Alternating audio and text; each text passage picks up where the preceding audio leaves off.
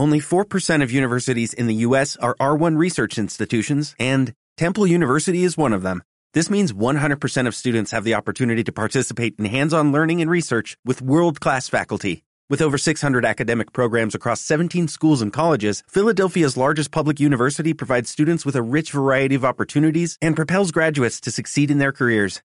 Temple University. Schedule a campus tour today at admissions.temple.edu/visit. Primer vol a Formentera. De dilluns a divendres de 6 a 7 del matí. El programa despertador d'IV3 Ràdio.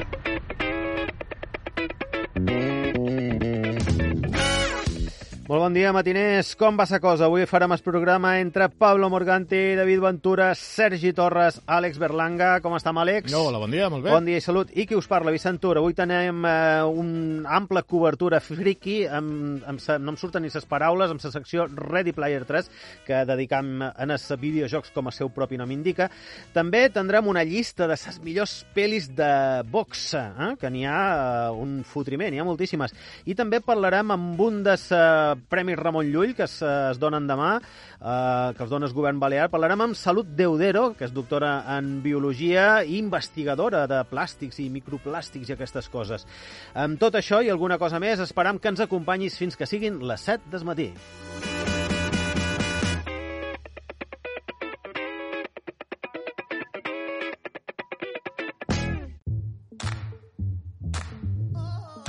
El primer vol a Formentera. Tant si comences el dia com si acabes la nit. De 6 a 7 del matí a IB3 Ràdio.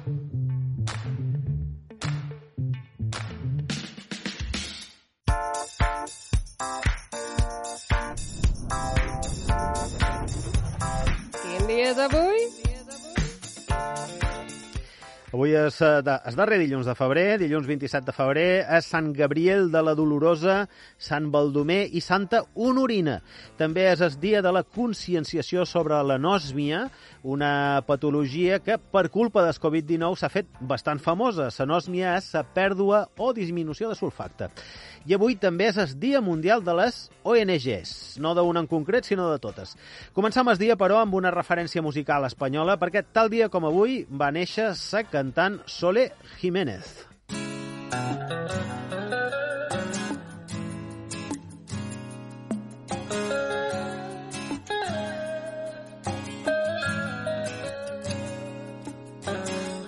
Es la historia de una voz templada. Coneguda sobretot com a cantant del grup Presuntos Implicados, que va assolir l'èxit amb aquest Alma de Blues, que estàs escoltant, publicat a finals dels anys 80. Soledad Jiménez Muñoz va néixer a París un 27 de febrer de 1963. A més de la seva etapa amb Presuntos Implicados, ha mantingut una intensa carrera en solitari amb col·laboracions amb Víctor Manuel, Miquel Ríos, Joaquín Sabina o el Dúo Dinámico. Una gran cantant, eh? Deixam l'àmbit nacional i saltam a la música anglosaxona, un 27 de febrer, de, a més a més, anglosaxona i hippie. Un 27 de febrer de 1967, la banda de rock sinfònic Pink Floyd acaba d'enregistrar el seu primer single, que porta a sa cara a sa que seria la seva primera cançó, la primera cançó del grup. Es diu Arnold Lane. Arnold Lane had a strange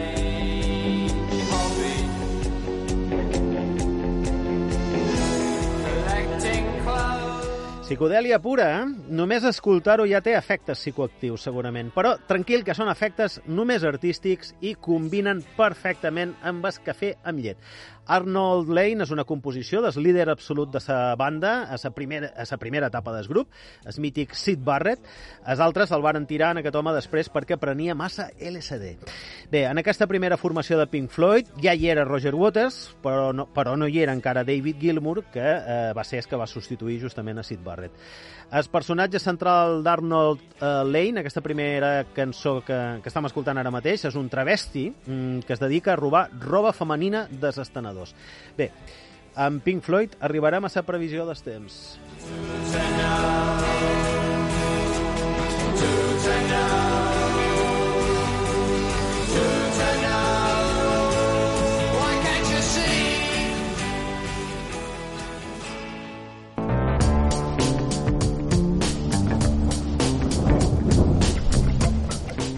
ho sentiu, pluges. Eh, pluges durant el matí i la tarda a totes les illes, que es noti que arriba la primavera. A més, baixada de temperatures, amb màximes de 13 graus a Mallorca i les Pitiuses i de 10 graus a Menorca. Mínimes d'un grau a Mallorca, 3 a Menorca, 5 a Eivissa i 6 graus de mínima a Formentera. El vent serà fort del nord a Menorca i les Pitiuses i del nord-oest a Mallorca.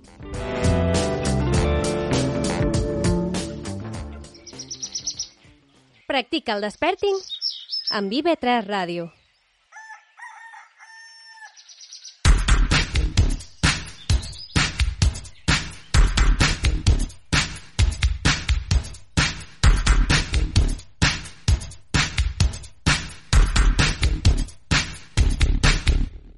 Surt de casa!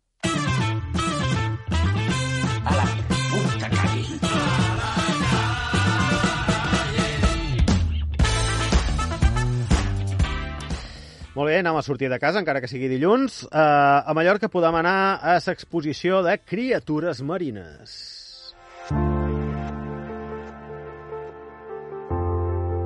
I aprofiteu que demà és el darrer dia. A l'Auditori Municipal de Porreres tenim el programa Jonges de la Cultura de la Fundació Baleària amb una mostra col·lectiva d'una vintena d'artistes plàstics de l'arc mediterrani sobre la representació de la vida marina. A Menorca també tenim en marxa l'exposició Les missions pedagògiques 1931-1936.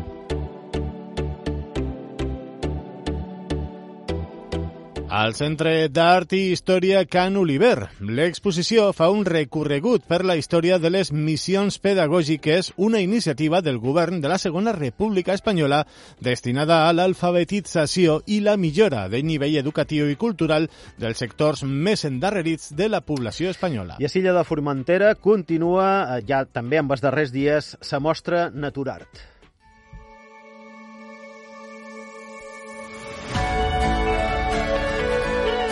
Mostra de Lola Raya a la sala d'exposicions Ajuntament Vell de Sant Francesc amb la fusió de l'art i la moda sostenible. La podem anar a visitar avui, en horari de 6 a 8 del vespre.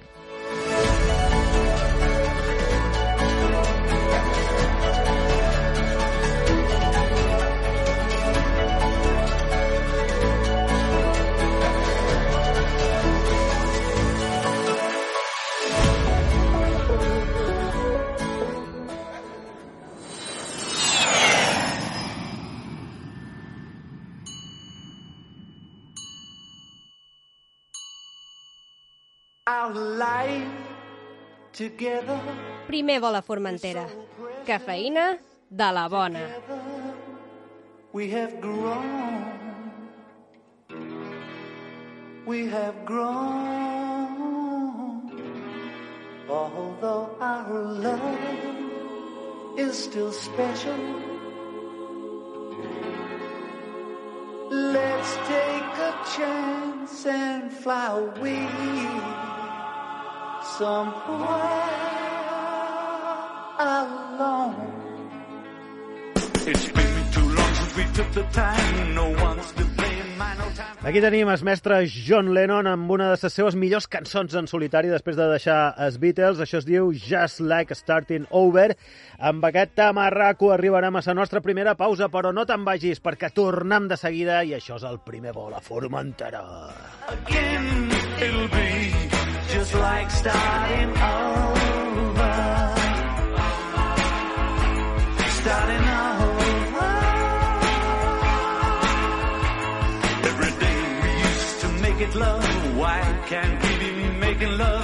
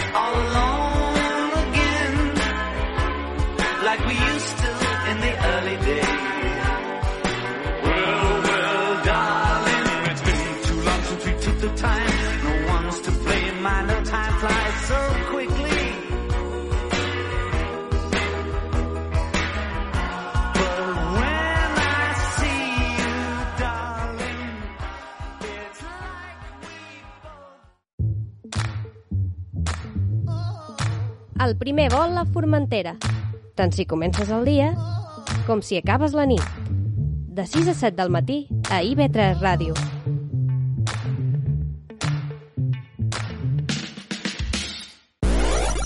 In this game, the object is for you to kill everything coming at you and to avoid being killed. and you will die. Ready, Player 3.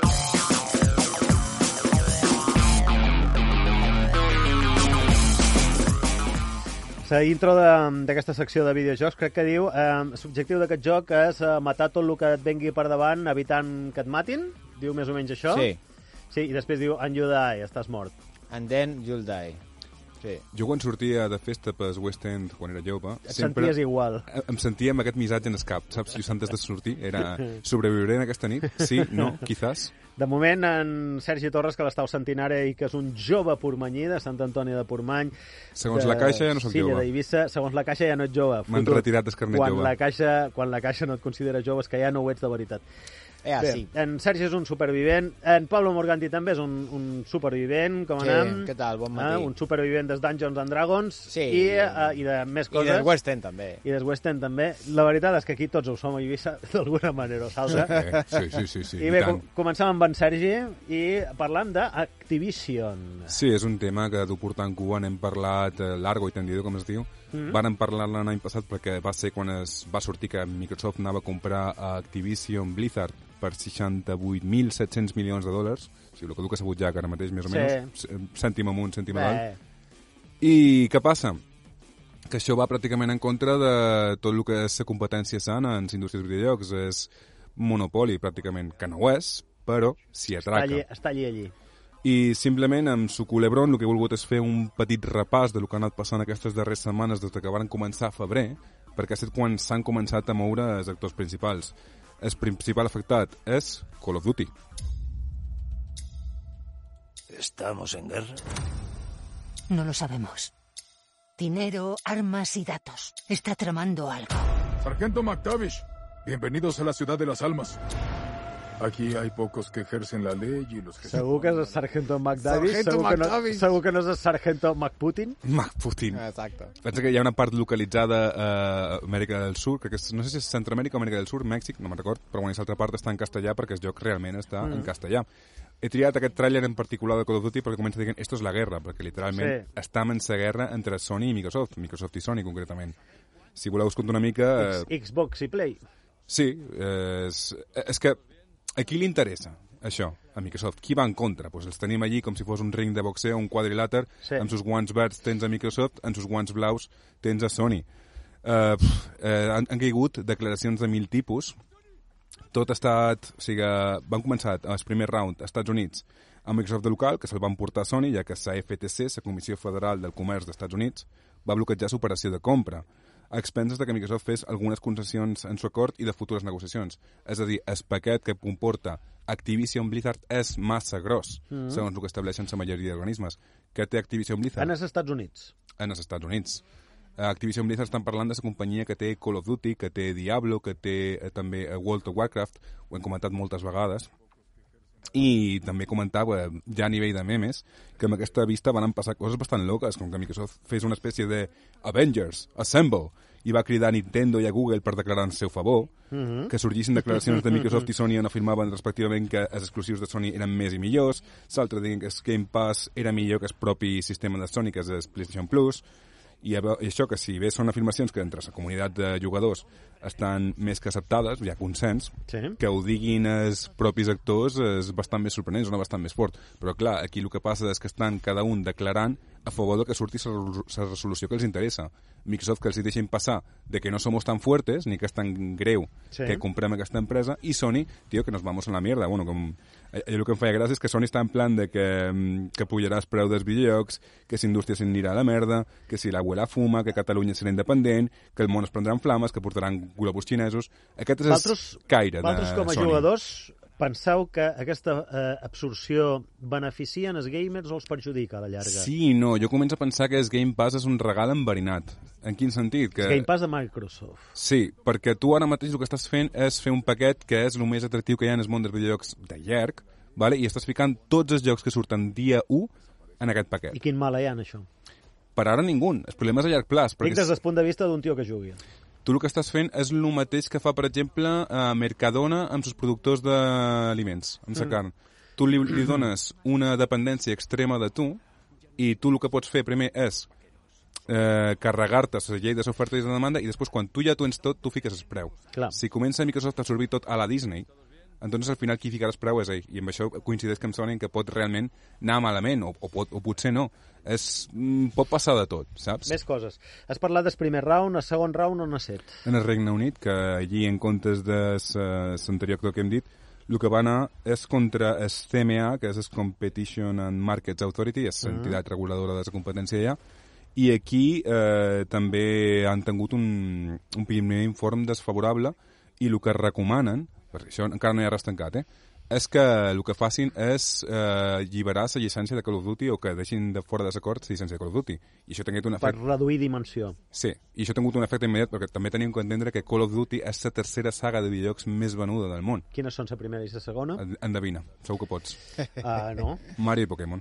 Mario i Pokémon, clar. Mario Clar. primera, segona Pokémon, amb 500 milions Mario, comptant Mario Karts, Mario Parties, Mario He, principals. he estat a punt de dir Zelda. No, Zelda està No. bastant lluny. Zelda deu ser 100 milions. En canvi, Pokémon tens eh, uns 300 milions, 300 i pico, sense comptar merchandising, que és el gros de Pokémon, i tercer, Call of Duty, que s'atraca en els 300 milions, 275, si no recordo malament. I, pues, si em permeteu l'expressió, a mig d'aquest merder, Mm. ha estat quan Nintendo i Nvidia han tret profit.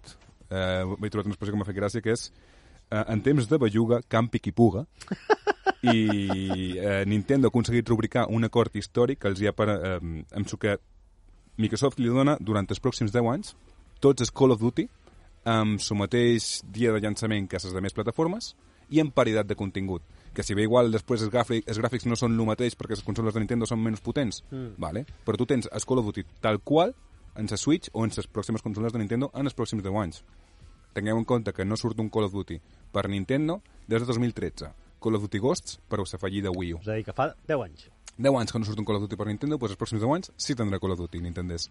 I per la seva part, eh, el que ha aconseguit Nvidia, Nvidia té una plataforma en sa, nu- en sa núvol, en el núvol, sa nube cloud, Però, com perdona, vulguis dir. què té a veure amb Nvidia en tot això? Nvidia és un fabricant de microchips? Nvidia és un fabri- fabricant de microchips que també té la seva pròpia, plataforma de joc en sa nube, Mm. que es diu, eh, a veure si t'ho trob, que no me'n recordo ara, eh, Nvidia Now, uh, Nvidia Ge- GeForce Now. I el que ha aconseguit és un tracte similar que el que li dona és tots els jocs de PlayStation, no, de PlayStation, de Xbox que vagin sortit per PC també sortiran amb paritat de continguts i etc, incloent Call of Duty, per Nvidia GeForce Now. Molt bé, espero que els nostres oients eh, et segueixin. Jo, jo t'he seguit, eh? Ja, és, és, una, mi- és un tema una mica enrevessat. Però està, està, és un tema enrevesat I que d'actualitat. can- que canvia absolutament les normes dins de, o pot canviar totalment les normes de joc Ja, ja veurem, no sé, és, està entre, entre encara els en grans l'aire. fabricants de videojocs. És que en, anem a fer una petita recapitula- recapitulació. Si recordeu, fa dos anys Xbox va comprar Bethesda, que són els de Elder Scrolls, mm. els de Fallout, etc. Ara mos vol comprar eh, tot el que és Activision Blizzard, Call of Duty, World of Warcraft, que serà el següent. No fa tant va intentar comprar Nintendo. Mm. I no hi havia molts d'exclusius de Play que ara surten a PC també, surten a... Ja no té Sí? tants exclusius mi- PlayStation, Microsoft. No? Ja, eh, però realment és eh, s'aposta que vàrem dir, però no, no té res que veure realment amb el que és la competició amb, amb el que és la marca Xbox. No, però és una, com un clau més en l'ataúd de Sony, perquè ja no té exclusius, no? Sony segueix sent, encara i així, el principal venedor de les tres grosses de videojocs del mercat, Clar. inclús per davant de Nintendo. Mm. Molt bé, competències salvatges, capitalisme, sul- es capitalisme 3.0. No? Eh, com, era la frase aquesta que sortia en boga d'actualitat, eh, Mm. capitalismo despiadado y salvaje, algo així. No, el capitalisme 3.0 d'aquest modernet. Mm. Molt bé, anem, a, anem amb, en els llançaments, a, Sí. a, a jocs, videojocs tangibles que ja podem jugar amb ells. Sí, va de 3 també la cosa, 3.0, perquè tenim dos terceres entregues de dos sagues. Molt bé. I comencem per una que es diu Blood Bowl 3.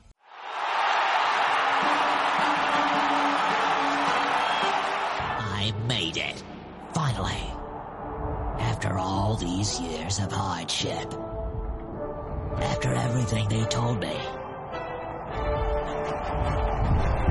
I will show them. No, no et vaig jo a tu amb un Videojoc de futbol americà. Pues he jugat a la primera part, eh, i bastant. Sí, sí, m'a- m'agradava, perquè té molta estratègia, és més d'això que de... Sí, sí, sí. Sí, sí, sí. sí. Si és d'esport jo no vull saber res, però si Ja. és d'estratègia sí. Si és de futbol americà, sí. No, no Sí, coneixia sí. aquesta faceta teva. Però per, Sí. per què, Pablo, per ses animadores? Per la violència. Eh, poca broma. Això, Eh, els jocs perquè de si tu futbol- veus un, un home, home com un ogre massacrant a un orc, no sé, té Ah, que són personatges fantàstics. Clar, és, és de fantasia. Ah, sí, molt bé, sí, sí. molt És bé. que és, del, és d'una franquícia de Warhammer. És Ara, un... ara comença a veure. Ara clar. comença Ara, a, ara. a veure les banyes a, Ara, al sí, toro. Ojo, eh? que això també ho compra Microsoft, eh? Vinga, va, tira. tira. Probablement. Però Un detall ràpid, eh, el millor lloc de futbol que he jugat jo mai, Red Card. Eh, ju- jugaves amb equips de jugadors inventats, perquè era selecció espanyola i tal, i també amb equips de dofins, eh, pirates, ninjas, el que volguessis, i es fotien unes hòsties I també l'ha comprat Microsoft. Encara no. Encara, Encara no, però, però poc li queda. Bé, és aquesta, aquesta saga és una saga de futbol americà, com dèiem, de, que, que era un joc de taula de, que estava a punt de morir en els 90-2000, que era de, de Games Workshop, els creadors de Warhammer, Mhm, sí. I eh, es va ressuscitar amb la primera entrega de Blood Bowl al, al PC, que és aquest Blood Bowl, Blood Bowl, aquesta saga que estem dient, aquesta, en aquest cas m'estic liant, jo sol. No passa res, No, no passa tranquil, res. tranquil. La tercera entrega d'aquesta saga. Tranquil, després de lo d'Activision ja han perdut tota la audiència. vale, vale, perdó. És interessant. Sí, sí, sí, sí. és el O que tu sigui, digues. Per, És un joc- per naltros, sí. És un joc de taula portat a l'ordinador i a les consoles, ¿vale? de futbol americà d'ambientació fantàstica. I en aquest cas, clar, és la tercera entrega i, i aprofiten per posar les regles de l'última edició perquè el joc eh, ara està tot, tot, tot, torna a ser popular en quant a joc de taula es refereix. Podrem escollir entre una gran quantitat d'equips diferents, des dels clàssics humans, que avorrits els humans es, estan per totes parts, Sí. els orcs, passant per els vampirs, nigromants, homes rata, guerrers del caos, els de, tot, de tot tipus, fins a un total de 12 equips en la sortida del joc, però bé, te- tenen molts més, o sigui que més que vindran després en forma de, de contingut descarregable pagat. Mm. Ens posa al càrrec d'un equip, evidentment, i podrem fitxar pues, jugadors, administrar l'equip i escollir els partits i jugar-los, clar. Els nostres jugadors adquiriran experiència i habilitat segons la seva, entre cometes, classe, si és un... tau- Si és, com, com es diu aquell quarterback? Si és quarterback... És Sí, és el quarterback. El quarterback és el el més quarterback. popular de l'institut, etc. No? Però també podran sofrir ferides que els donin característiques negatives o inclús morir en el partit. Ostres, això m'encanta. Clar, perquè es tracta d'un joc tàctic per torns, però d'esport eh, on la violència al camp del joc no només està prohibida, sinó que està aconsellada. Vale? I per guanyar és tan vàlid tractar de marcar touchdowns com deixar l'altre equip sense jugadors. És un joc, és un joc més 18, m'imagino. Sí, no, i, a veure, no té una violència molt explícita, és més d'humor negre que Mm. altra cosa. Sí, no? sí, Perquè agafa, agafa el món de Warhammer, que és molt, com molt seriós, Sí. i et dona un toc d'humor, d'alguna manera, no? Humor Bueno, negre, està realment. Eh, M'agrada, m'agrada. És molt divertit, és molt divertit. I surt per quasi tot, la veritat. Surt per, menys per iPhone, per tot. I Stadia, tampoc surt per Stadia, per lo que veig. No, perquè idea no està preparat. Ha mort. I tancam amb Company of Heroes, també 3? Exactament, la tercera entrega.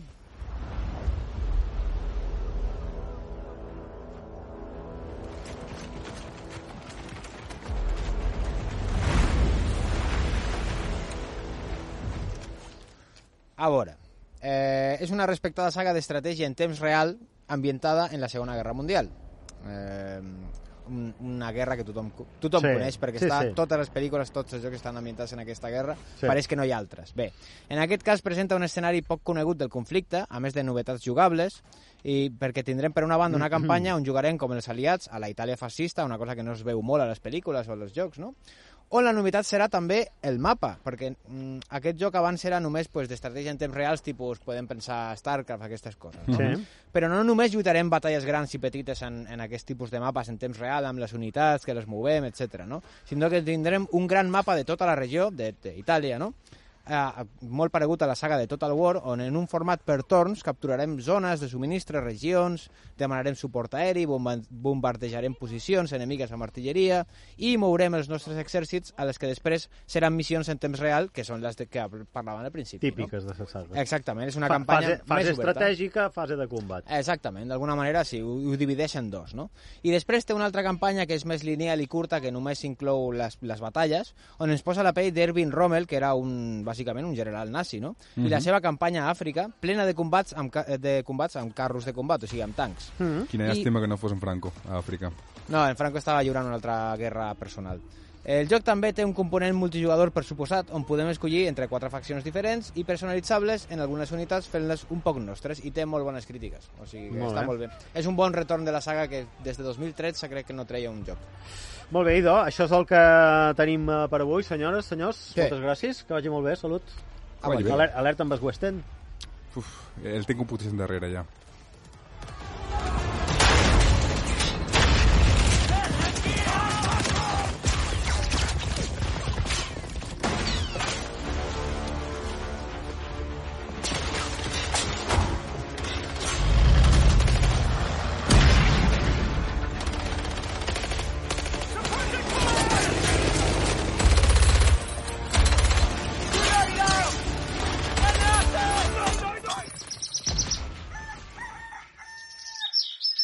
Primer vol a Formentera. Cafeïna de la bona.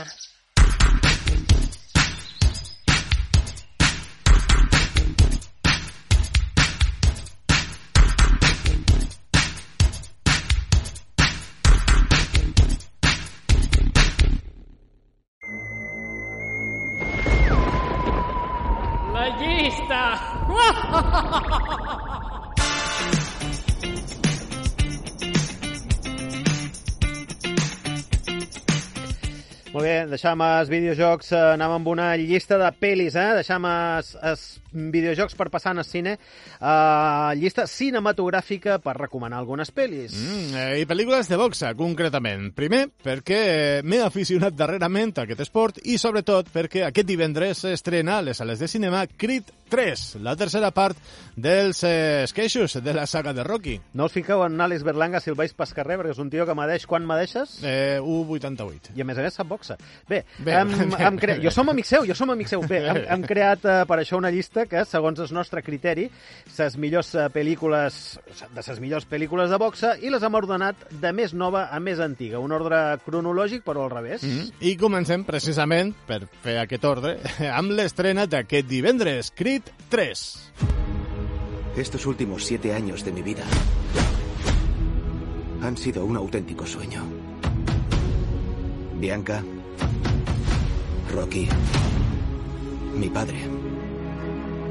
Creed que és la continuació de Rocky, Sí, no? sí, sí, és, és a dir, està Jo és Rocky... que Rocky, Rocky la vaig deixar a sa, do, a sa Rocky dos. 1, Rocky 2, Rocky 3, Rocky 4, Rocky 5, Rocky Balboa, Eh, i després sí. Creed, Creed 2 i Creed 3. I és que jo trobo a faltar les seqüeles eh, amb números i, i amb números romans. Eh. Bé, en fi, parlem d'aquesta pel·lícula. Això és pitjor que Super Mario, saps? Vull dir, a més, videojocs. Bé, tenim el seu protagonista, Adonis Creed, eh, que ja ha arribat al cim de la seva carrera i no té res més a demostrar en el món de la boxa. Convertit en un ídol d'aquest esport, passa els seus dies envoltat de la seva família i éssers estimats. No obstant això, tot canviarà quan torni un fantasma de la seva infància, fantasma entre cometes. És el seu amic de la joventut, Damien, que acaba de sortir de la presó i desitja demostrar tot el que ha après de boxa aquests anys a, a la presó. Per això, voldrà enfrontar-se en el quadrilàter amb el seu antic amic. Adonis Creed haurà d'enfrontar-se a aquest adversari, però no sols vol llevar-li el seu títol de boxador, sinó també desitja eliminar-lo. Quin tio més xungo. Bé, el llegat de Rocky Balboa Creed, que s'estrena aquest divendres, eh, la nostra nova pel·lícula i és l'excusa per la llista que hem, que hem fet. Anem a l'any 2005, amb una pel·li basada en fets reals que es va dir Cinderella Man, el hombre que no se dejó tumbar. Introducing the Bulldog of Bergen, the pride of Jersey, and the hope of the Irish as the future champion of the world. Un dramón, eh? Cinderella Man, com dèiem, basada en la història real del eh, boxador Jim Braddock a la ciutat de Nova York durant l'època de la Gran Depressió. Jim decideix eh, pujar-se'n al ring com a mesura desesperada per guanyar una mica de pasta i així poder alimentar la seva família i pagar els seus deutes. Eh? La premissa argumental ja, Mm. ja ho és de drama, ja és dramàtica. D'aquesta manera es converteix ràpidament en una espècie d'heroi popular, eh, fent fins i tot que famílies senceres es reuneixin al voltant de la ràdio per seguir els seus combats. La seva gran oportunitat arriba quan li ofereixen boxejar davant de Max Baer, el campió dels pesos pesants, qui ja ha matat dos homes en combat i no està disposat a perdre el seu títol. Mm, un drama, però, però que està, Però molt, està bé, molt bé, està eh? molt bé, aquesta pel·lícula. I mira, però un any abans d'aquesta pel·lícula, de Cinderella Man, eh, vam tenir una altra que també va guanyar un parell d'Oscars. I que també és un drama. I també, també, almenys la, la, la darrera part de la pel·lícula. Al 2004 es va estrenar Million Dollar Baby. Señor, protégeme lo mejor que puedas. Por otro lado, ya sabes lo que quiero. No hace falta que lo repita. ¿Señor Dan? ¿Te debo dinero? No, señor. ¿Conozco a tu madre? ¿Podría estar interesado en entrenarme? No entreno a mujeres. La gente dice que soy bastante fuerte. Aquí tenim a Frankie Dunn, interpretat per Clint Eastwood, que és un Peli- home... Peliculón. Peliculón, sí, sí, sí, i, i molt drama també. Bé, aquí tenim el personatge d'Eastwood, que és un home solitari que s'ha passat mitja vida entrenant les millors figures del món de la boxa. Després de la seva recentment retirada, Frankie freqüenta un gimnàs pròxim a la seva casa.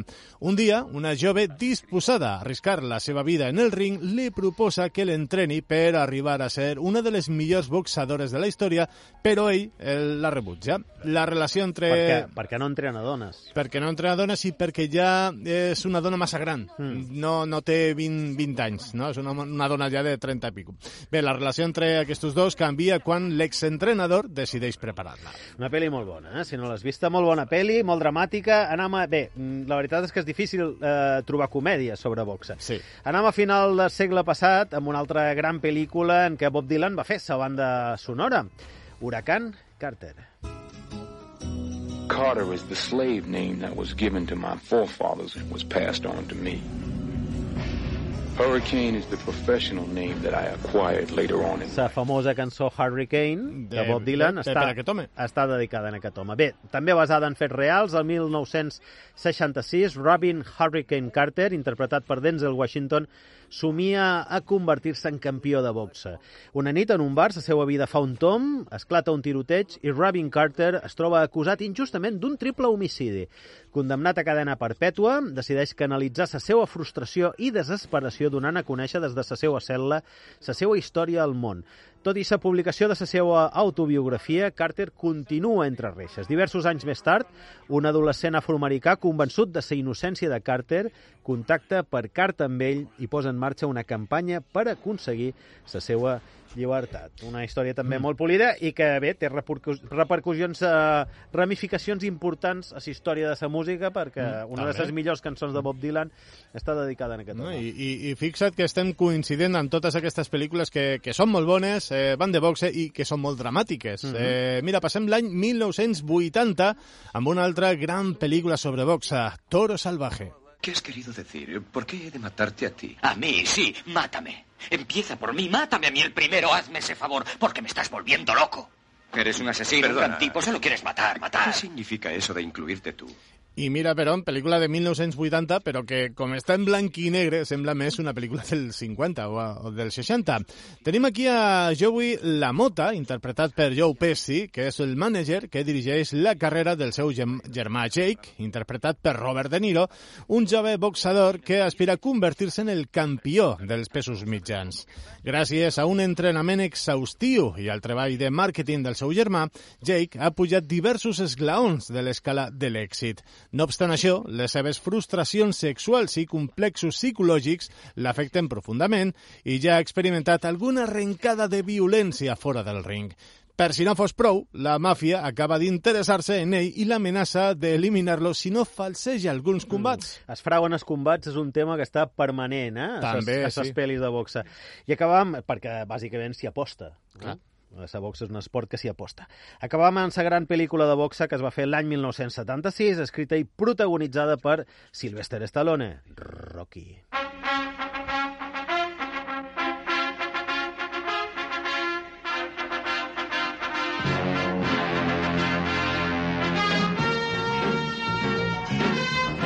Secció de Rocky ens trasllada fins als barris marginals de Filadèlfia. Allí, un tipus que es diu Rocky Balboa recapta els deutes impagats eh, per Tony Gazzo, un usurer, i combat de tant en tant, tan sols per un grapat de dòlars, en combats de boxa amb el sobrenom del poltre italià. Per la seva banda, Apollo Creed, el campió del món de boxa en la categoria de pesos pesants, cercarà un nou contrincant per tornar a disputar-se el títol i la seva elecció serà, mira per on, Rocky. Saga que va tenir sis pel·lícules en total, més aquestes tres noves de Creed. I'll break both your arms so they don't work for you.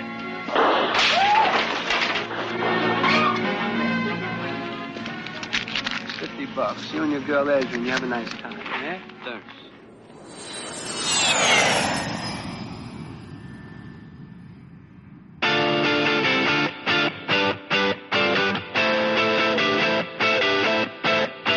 Practica el desperting amb IB3 Ràdio.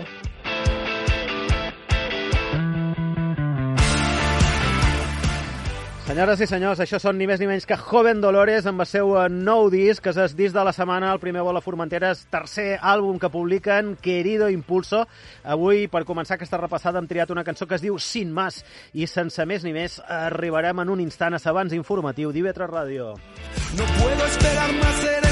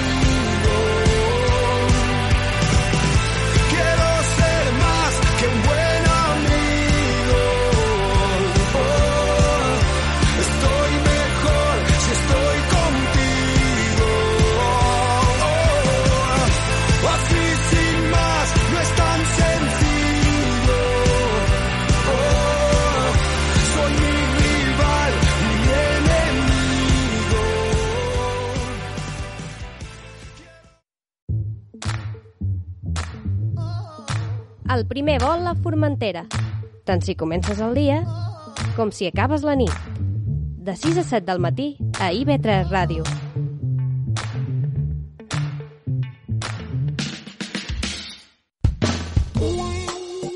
Cantant sota la dutxa.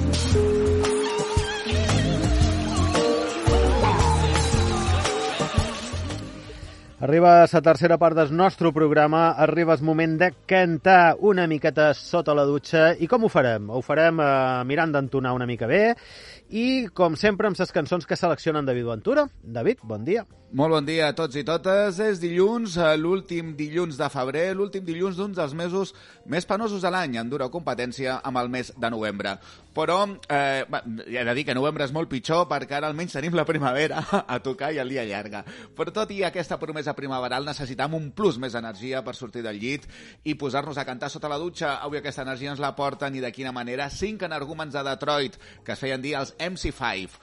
Considerats els pares del protopunk, en el seu moment van ser considerats el grup rock més sorollós i distorsionat. Tocaven un volum altíssim i la seva ràbia existencial i política encaixava perfectament amb la seva música, completament aspra i que volia ofendre el bon gust i les oïdes del públic ben pensant. Els MC5 van tenir una carrera musical curta i abrupta, amb concerts incendiaris i un primer LP publicat l'any 1969 que va ser enregistrat en directe. Agafeu-vos perquè venen corbes, són els MC5 i aquest és el seu clàssic Kick Out the Jams. Right now,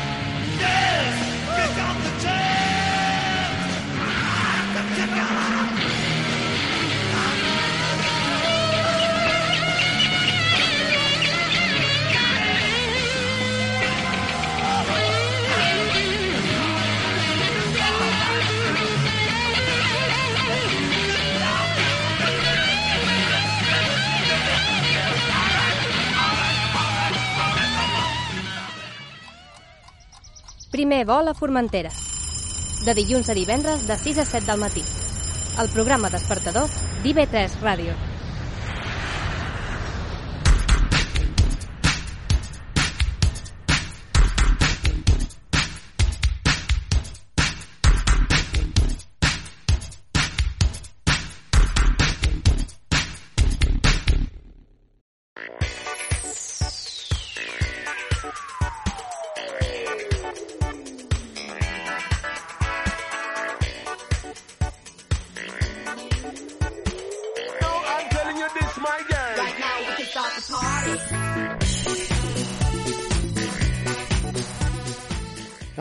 A dels Premis uh, Ramon Llull, però no, no farem una cosa molt institucional, eh, que no, ja sabeu que en vol a Formentera les coses molt institucionals no mos agraden molt.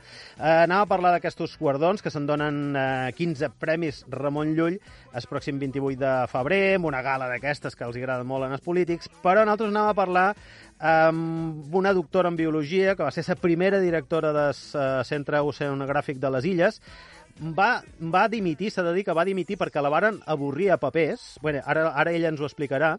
La varen avorrir a papers i va acabar dimitint. Ella és na Salut Deudero i resulta que serà un d'aquestos 15 Premis Ramon Llull que es donaran el pròxim 28 de febrer. Uh, Salut Deudero, com anem? Bon dia.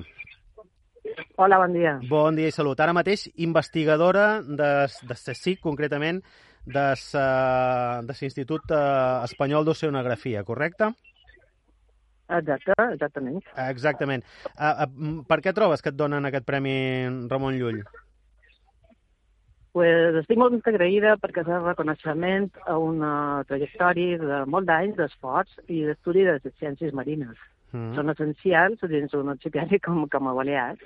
Uh, conèixer la mà, entendre quins són els problemes que té, com podem millorar, la qualitat d'aigües, uh, com podem protegir les espècies, com podem abordar la problemàtica dels plàstics a la mà, dels microplàstics, i he tingut una continuïtat, diguéssim, he tingut el privilegi de poder fer feina dins del medi marí, sí. en la recerca, la docència, universitari, és molt estimulant i, i, i bé, aquest premi és un reconeixement, entenc, en aquesta tasca de dia a dia, de molta feina, de molt d'esforç, perquè la ciència a Espanya tampoc no, no és fàcil.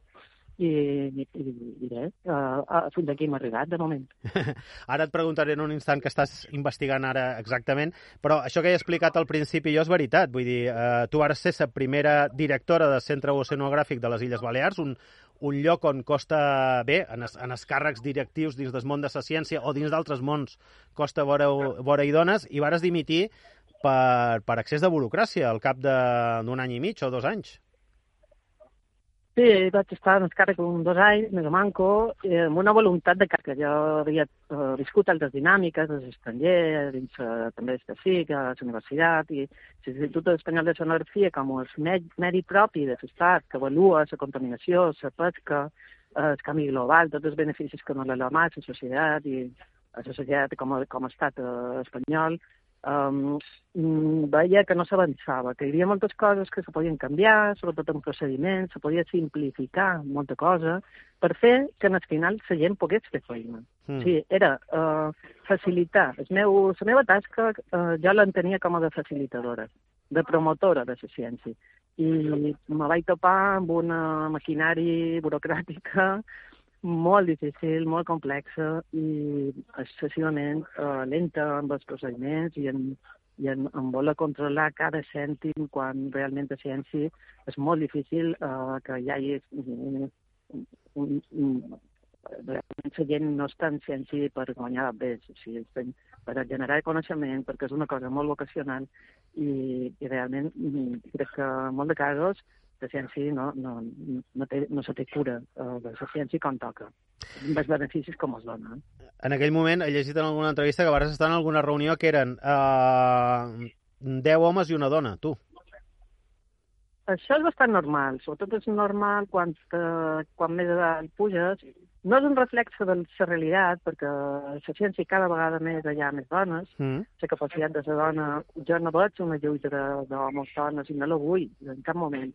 Crec que tenim capacitats en determinats casos diferents, la millor físicament, en la força, però en la voluntat, en la en l'entusiasme i l'il·lusió que pot tenir una persona, una persona, dic, tant home com dones, és indiferent. Clar. I realment l'important és la persona.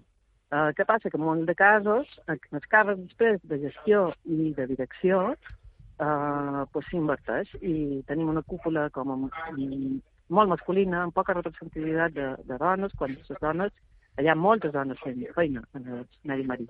Però no crec que sigui aquesta la lluita ara mateix, sinó més que res promocionar els estudis de ciències marines, promocionar la, conservació de la mà, sobretot un territori com el nostre, que és tan important, que vivim tan a prop de la mà, que ens en revolta i que ens dona mm, pues, des de menjar, clima, eh, molt de beneficis d'estudis que es venen per la mà, molt d'ells molt d'ells venen perquè tenim un, un, una mà meravellosa i l'hem de continuar tenint.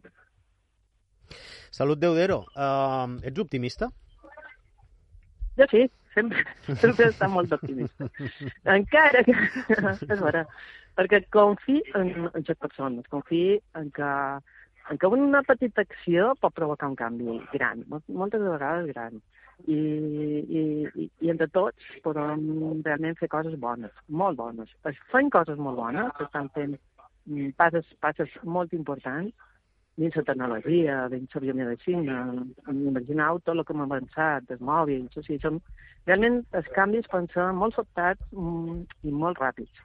Uh, això aplicat en el coneixement del medi marí, a poder tenir dades en temps real, uh, generar xarxes de col·laboració, és realment molt, molt, molt important i és una oportunitat que tenim, sobretot a Balears, que, que, que hi ha bastant a l'Albès també, uh, és una comunitat bastant rica, uh, promoure aquest, això i donar un, un reconeixement a les ciències marines crec que també és, és, de valorar la, en que, en la mesura que, que toca. Escolta, em faràs algun discurs? Et toca fer algun discurs el dia 28, quan et donin el Premi Ramon Llull? No sé si en- ens pots anticipar alguna cosa. No, no, perquè no, són bastantes persones i no hi ha temps perquè cadascú pugui aportar un, un discurs, però jo crec que l'important és això, si, si la gent vol conèixer què fan a les xarxes socials o a la plana web o inclús col·laborant. Hi ha moltes tasques de ciència ciutadana i, i demà tots poden contribuir en el seu coneixement. Si haguessis de fer un discurs, què diries? Això, això una mica és oficial, també. Som la ràdio pública de les Illes Balears, vull dir que serviria com a Sí, discurs, sí. també. Bé. Um, jo crec que hauríem de pensar un poc en els mitjans, o sigui, a mig i llarg plaç. No pensàvem més què és el que passarà demà, què és el que Mm. passarà d'aquí tres mesos, d'aquí quatre mesos quan tenim temporada, quan venen els turistes, o... Hem de pensar com volem que trobar el medi ambient, el medi ambient marí, el medi ambient terrestre, d'aquí cinc anys, d'aquí deu anys, i fer un, un, un escenari de perspectiva conjunt amb tots els sectors eh, socials, econòmics, eh, ens ajuda la ciència, ens ajuda el coneixement pot aportar pues, molt d'assessorament. El tenim, a Balears hi ha molta massa crítica i molt bona d'excel·lència. Hem d'aprofitar això i, i animar que la gent no, no vegi la ciència i el coneixement com una cosa dolenta, que en molts de casos està bo, o sigui, Mm. més intel·ligent, pues, no sé, un empresari, tenir pues, molt de bé, un cotxe bo i tal, però a vegades lo, generar eh, coneixement per lo que per bé benestar comú pot ser molt més gratificant. I, i en aquest sentit jo animo a les persones, a les joves, a que es podien, a que se formin i que, i que millorin la societat amb el coneixement. Salut Deudero, eh, doctor en, en Biologia, per anar tancant l'entrevista. Què estàs investigant ara mateix? Trobar, trobaràs la manera de fer desaparèixer eh, tot el plàstic que va, que va flotant pel mar Balear? No, esperen que sí. El que de moment veig no és massa positiu, perquè trobam que hi ha plàstics a totes les espècies que hem avaluat, peixos, gambes, crustacis, uh, totes les espècies en qualsevol moment tenen una interacció amb els plàstics. Mm. I, mm, i bé, tot el coneixement l'estem aportant, hi ha un coneixement també internacional, això no és una cosa que només passi aquí, a la Mediterrània, sinó que ho tenim a nivell global i, i bé, de cada vegada podem posar més elements per solucionar els problemes ambientals. En què estàs- això sí que som molt optimistes. En què estàs ficada ara mateix? Què estàs estudiant? Ara avaluam, tenim projectes de- d'efectes dels microplàstics eh, en el medi marí, de les espècies, la la biodiversitat i com un contaminant més dins l'ecosistema. Mm.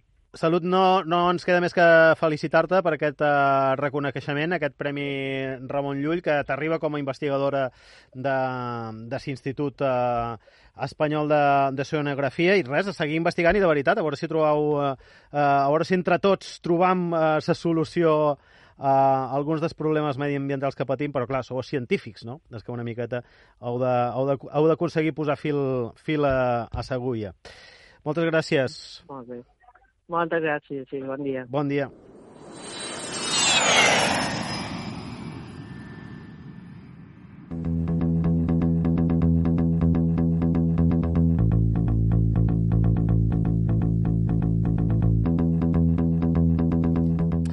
Senyores, senyors, fins aquí hem arribat avui. A les 7 arriben els companys de S'Informatiu Matí. Nosaltres tornem demà a les 6. Que passeu un dia boníssim.